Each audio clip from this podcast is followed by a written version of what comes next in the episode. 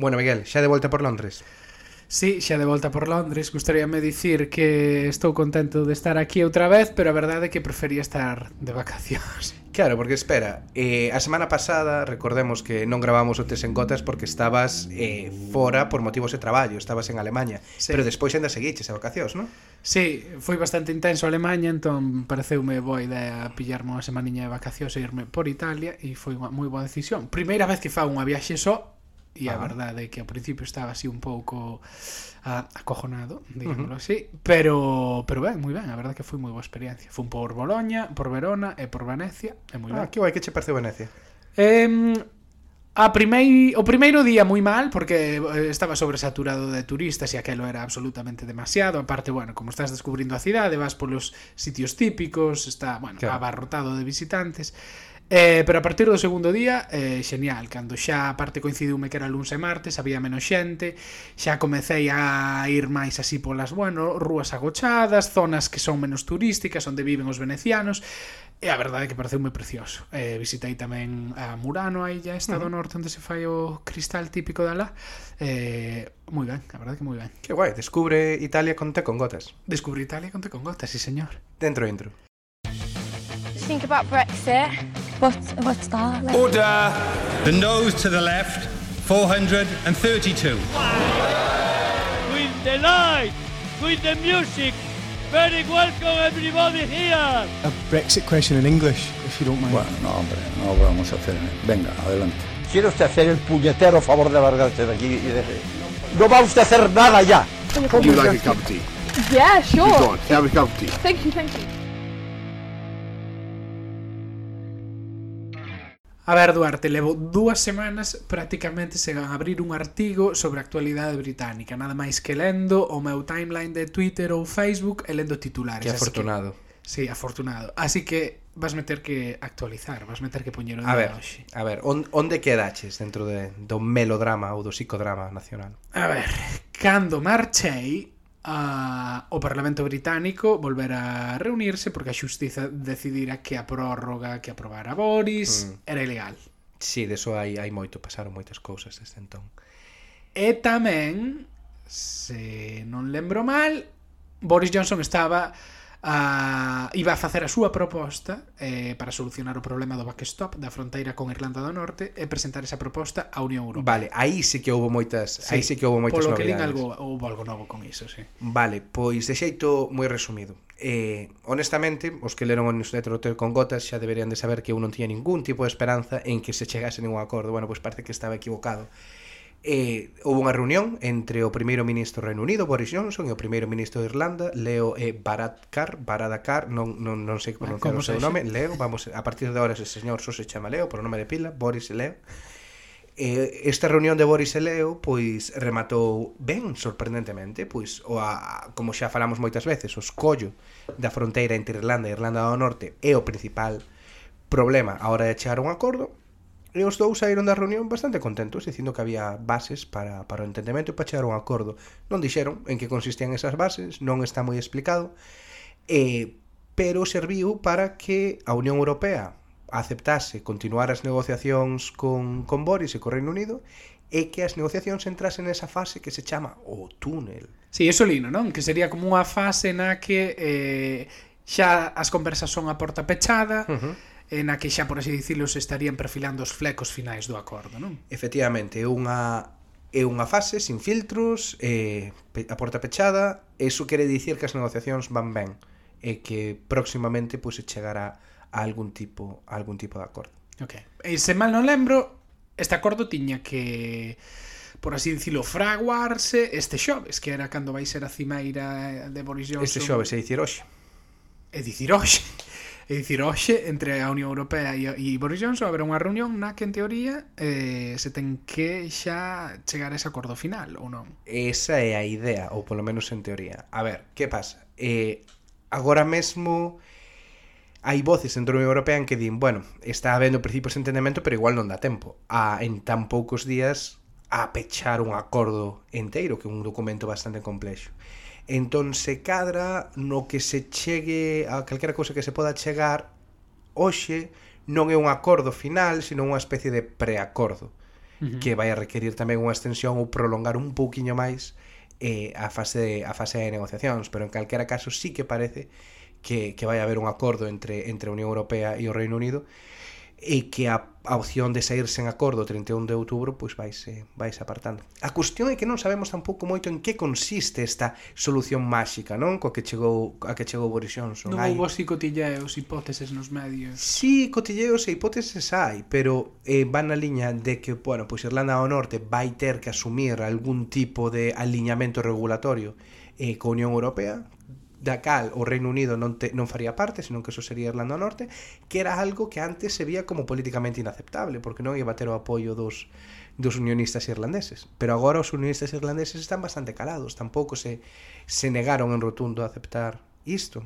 Entón... Claro, porque o importante de todo isto é se hai un acordo coa Unión Europea, isto aínda ten que pasar a aprobación do, do Parlamento Británico, non? Entón, O precedente que temos era aquel acordo de Theresa mm. May que fora votado en contra ata tres veces polos eh, polos deputados mesmos conservadores máis brexitir. Sábese algo de que posición terían os conserva os, os deputados conservadores máis pro Brexit a ah, con respecto a esta proposta de Boris, comentouse algo, filtrouse algo. Claro, aquí hai unha cousa, ante todo hai unha cousa clara. Eh, para aprobar este acordo non chega simplemente cos votos do Partido Conservador. Faría falta o apoio de outros partidos, da do DUP e de algúns rebeldes laboristas que voten en contra do seu partido e apoien este acordo. Ou mesmo dos conservadores que foron purgados e que agora están... Como... Tampouco dan, ni sequera os, os votos. Eh? Pero, pero quero dicir que necesitarían o apoio deles tamén. Eh, tamén, porque... sí, sí, efectivamente. Outro grupo que tes que, que, tes que ter en conta. Entón, dentro do grupo do, do grupo parlamentario conservador está este sector de brexiteers máis duros que foron instrumentais a hora de bloquear o acordo de MEI, ou que se aprobase o acordo de MEI. Que opina esta xente? Pois a ver, hai opinións diversas. Algúns están no goberno, como lle Corrismo, que entón parece posible que pois que vayan a apoiar o acordo, outros que non están no goberno, tipo Steve Baker, que é un dos jefazos deste deste grupiño, aínda que non se comprometeu xa a apoiar o acordo, porque aínda non se saben os detalles, eh, dixo que, que parecía que polo que el sabía que iba ben e que estaría disposto a priori a apoiar a apoiar algo así. Eh, pero hai outros que, que xa dixeron que, que non, que nin de broma. Tipo Ian Duncan Smith ou algún outro eh, brexitier histórico que dixo que non lles parecía suficiente. Pero bueno, sí que parece que Boris Johnson ten máis credibilidade eh, diante deste grupo. A fin de contas a política é moito tamén de credibilidade. Eh, pero despois, é claro, hai outros grupos que tens que ter en conta, como dicías antes, os, os deputados conservadores que expulsaron eh, que expulsou Boris Johnson hai unhas, hai unhas semanas. Esa xente, pois, non está claro que van votar. Algúns que ou, simplemente son anti-no deal, pois é probable que voten por este acordo. Outros que son remainers moi moi, bueno, moi pro moi moi forte, non o máis probable é que voten que non.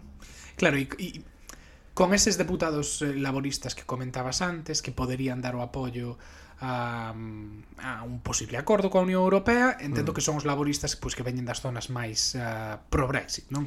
Maioritariamente sí, son eh hai un grupo, un grupinho que debe ser sobre 30 30 deputados que o que o que queren é que se chegue a un acordo. Queren xestionar Brexit con acordo. Igual o acordo de Boris Johnson non é o, o ideal que les apoiarían, pero é un acordo. entonces estarían dispostos a facilitar que se aprobase co seu voto. Que pasa? Que onde entran as presións internas dos partidos? Eh, o Partido Laborista non vai apoiar o, cor o acordo de Boris Johnson. Sí. Baixo ningún concepto. Eh, oficialmente.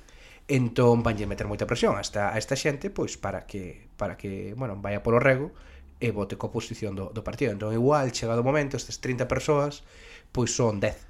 Claro. Eh, porque os outros 20 igual ceden porque poden, bueno, porque pode afectar as súas carreiras, porque porque poden perder o, o, o escano si, si o partido os expulsa ou algo así. Entón, bueno, xa. Está por ver que pasa por aí. Algo que sí que lin tamén é que na oposición está habendo movimentos para, independentemente do que pase no Parlamento, se hai finalmente acordo, que se someta a un segundo referendo, non? Que o Partido Liberal Demócrata e os laboristas están están pensando en facer propostas para obrigar a convocatoria dun referendo que permita a cidadanía, bueno, pois refrendar refrendar o acordo de Boris Johnson se o Parlamento o, o aproba.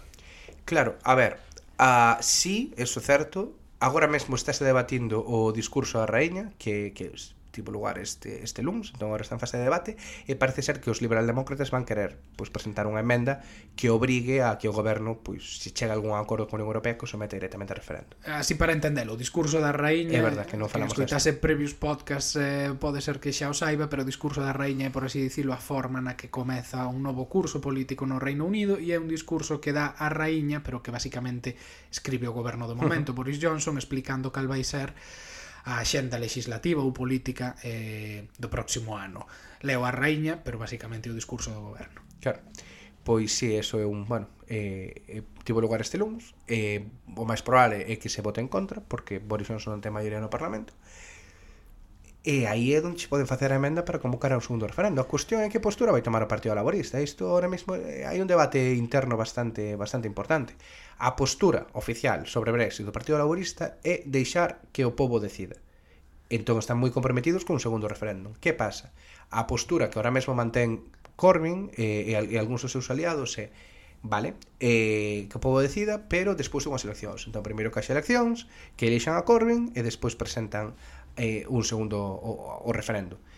Eh, pero agora está empezando a haber voces, incluso dentro do propio corbinismo, que están dicindo mm, igual nos ven millor que haxe un referéndum xa sobre o acordo de Boris, que se zanxe Brexit antes dunhas eleccións, xa sexa pois, ou para aprobar o acordo de Boris ou para quedar na Unión Europea, que este asunto quede máis ou menos solucionado e que cando vayamos a eleccións non vayamos a falar sobre Brexit, que é algo que fai moito daño ao Partido Laborista, claro. senón que vayan a falar de, de, de, de economía, dos recortes, o servicio de saúde, que é aí onde o Partido Laborista lle, lle come un pouco as papas a, a, aos conservadores.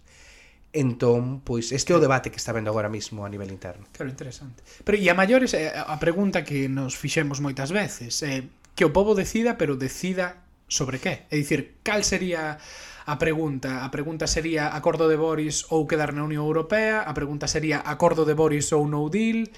Tres iso, opcións. Iso depende a quen yo preguntes. A claro. os liberaldemócratas creo que a opción era acordo de Boris ou quedar. Os laboristas, bueno, neste caso non eh, no caso hipotético de que haxa unhas eleccións e gobernasen, o que propoñerían sería un acordo novo que renegociarían eles coa Unión Europea uh -huh. ou quedar pero a idea que, que defenden pois esos dous grandes par os, os partidos da oposición é dar entre unha opción de Brexit eh, con acordo e, e, e quedar. Non, non se está barallando ou ninguén está barallando que haxa opción de, de sair sen acordo e, e, e quedar. Claro, pero a cuestión é que imagino que si chegado o punto no que o referéndum é obligatorio porque o Parlamento así o decide no Partido Conservador moitos van estar en contra desa opción, non? É dicir de que o referendo se debata entre o acordo de Boris e e quedar na Unión Europea. Por que non o acordo de Boris ou no Deal? Claro, Sí, sí, é verdade. É, eh, decir, é un eh, argumento perfectamente lexítimo que posiblemente que posiblemente darán e, e o argumento aí que, que poden que poden brandir é Claro, xa se decidiu en 2016 sair da Unión Europea, claro. agora o que temos que falar é da forma, e as formas que temos é ou sen acordo ou, ou con, ou con... con co, con este acordo. Sí, eu creo que democráticamente eso é unha postura pois moi moi respetable que ten moita lógica argumental, non necesariamente ten que ser a postura co que eu este de acordo, pero entendo que moitos brexiteers a van a van a utilizar. Así que está está por ver. En calquer caso esta vai ser vai ser semana decisiva. Vai ser semana decisiva. Unha máis. Unha máis, sí. Semana decisiva versión 14. Hoxe decidiremos, bueno, hoxe saberase si, si Boris e a Unión Europea chegan a algún tipo de acordo. Se si non hai acordo, eh, pois en principio tería, habría que solicitar unha extensión, segundo a legislación. Se hai acordo, pois está por ver, referendo, non referendo, e iríase a eleccións, non se sabe, todas esas cuestións, pero falta pouco tempo para, para que se despexen.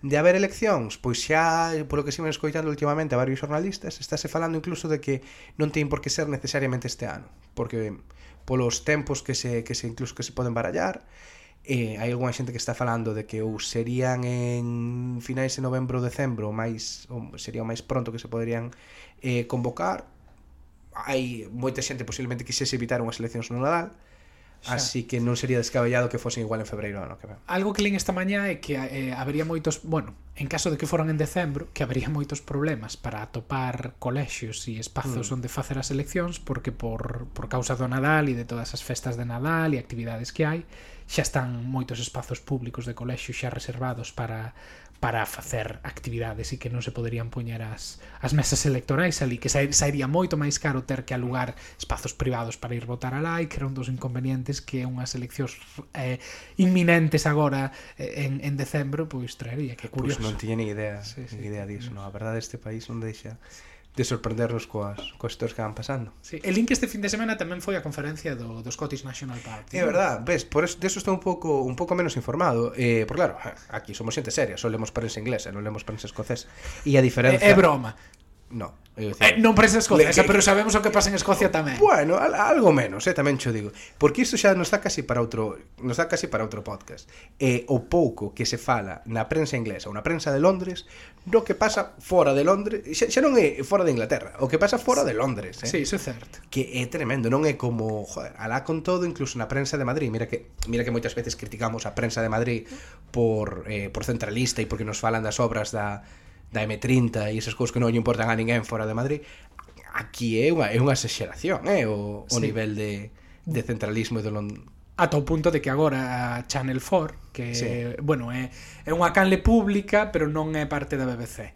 Eh, está... Escoitade o noso podcast sobre os medios públicos. Exacto, aí falamos de Channel 4. Eh, está precisamente o goberno, sacou a licitación, ou está en fase, creo, mm. de, de licitar, cal, eh, onde vai estar a nova sede dos cuartéis xerais, por así dicilo, que os querían mover fora de Londres, porque, bueno, pues, estaban preocupados non só pola centralización económica que hai de absolutamente todo que ten que ver coa administración en Londres, sino tamén da información, de que que é todo un perfil moi londinense cosmopolita que realmente non representa o que é a Inglaterra real.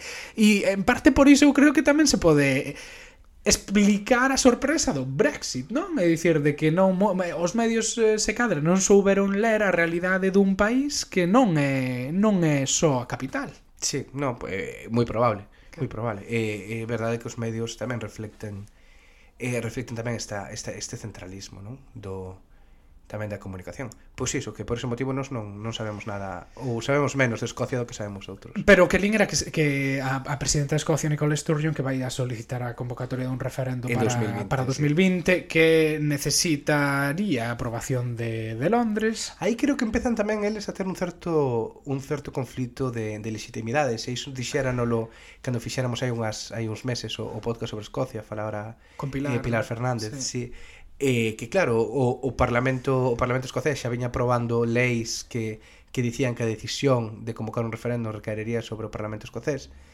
e, e o Reino Unido di que, que vamos, que ni de broma. Entón aí hai certo eh, pode haber certo conflito de legitimidades, que non creo que chegue ao extremo de Cataluña, chegarase un acordo evidentemente. Uh -huh. Pero pero bueno, está está por ver. Porque tamén depende de como se soluciona o Brexit. Eu tamén entendo que o Reino Unido, o goberno central, igual non é moi proclive a querer convocar un referendo de independencia de Escocia mentre non se solucione a cuestión a cuestión do Brexit. Particularmente se os conservadores siguen siguen no poder.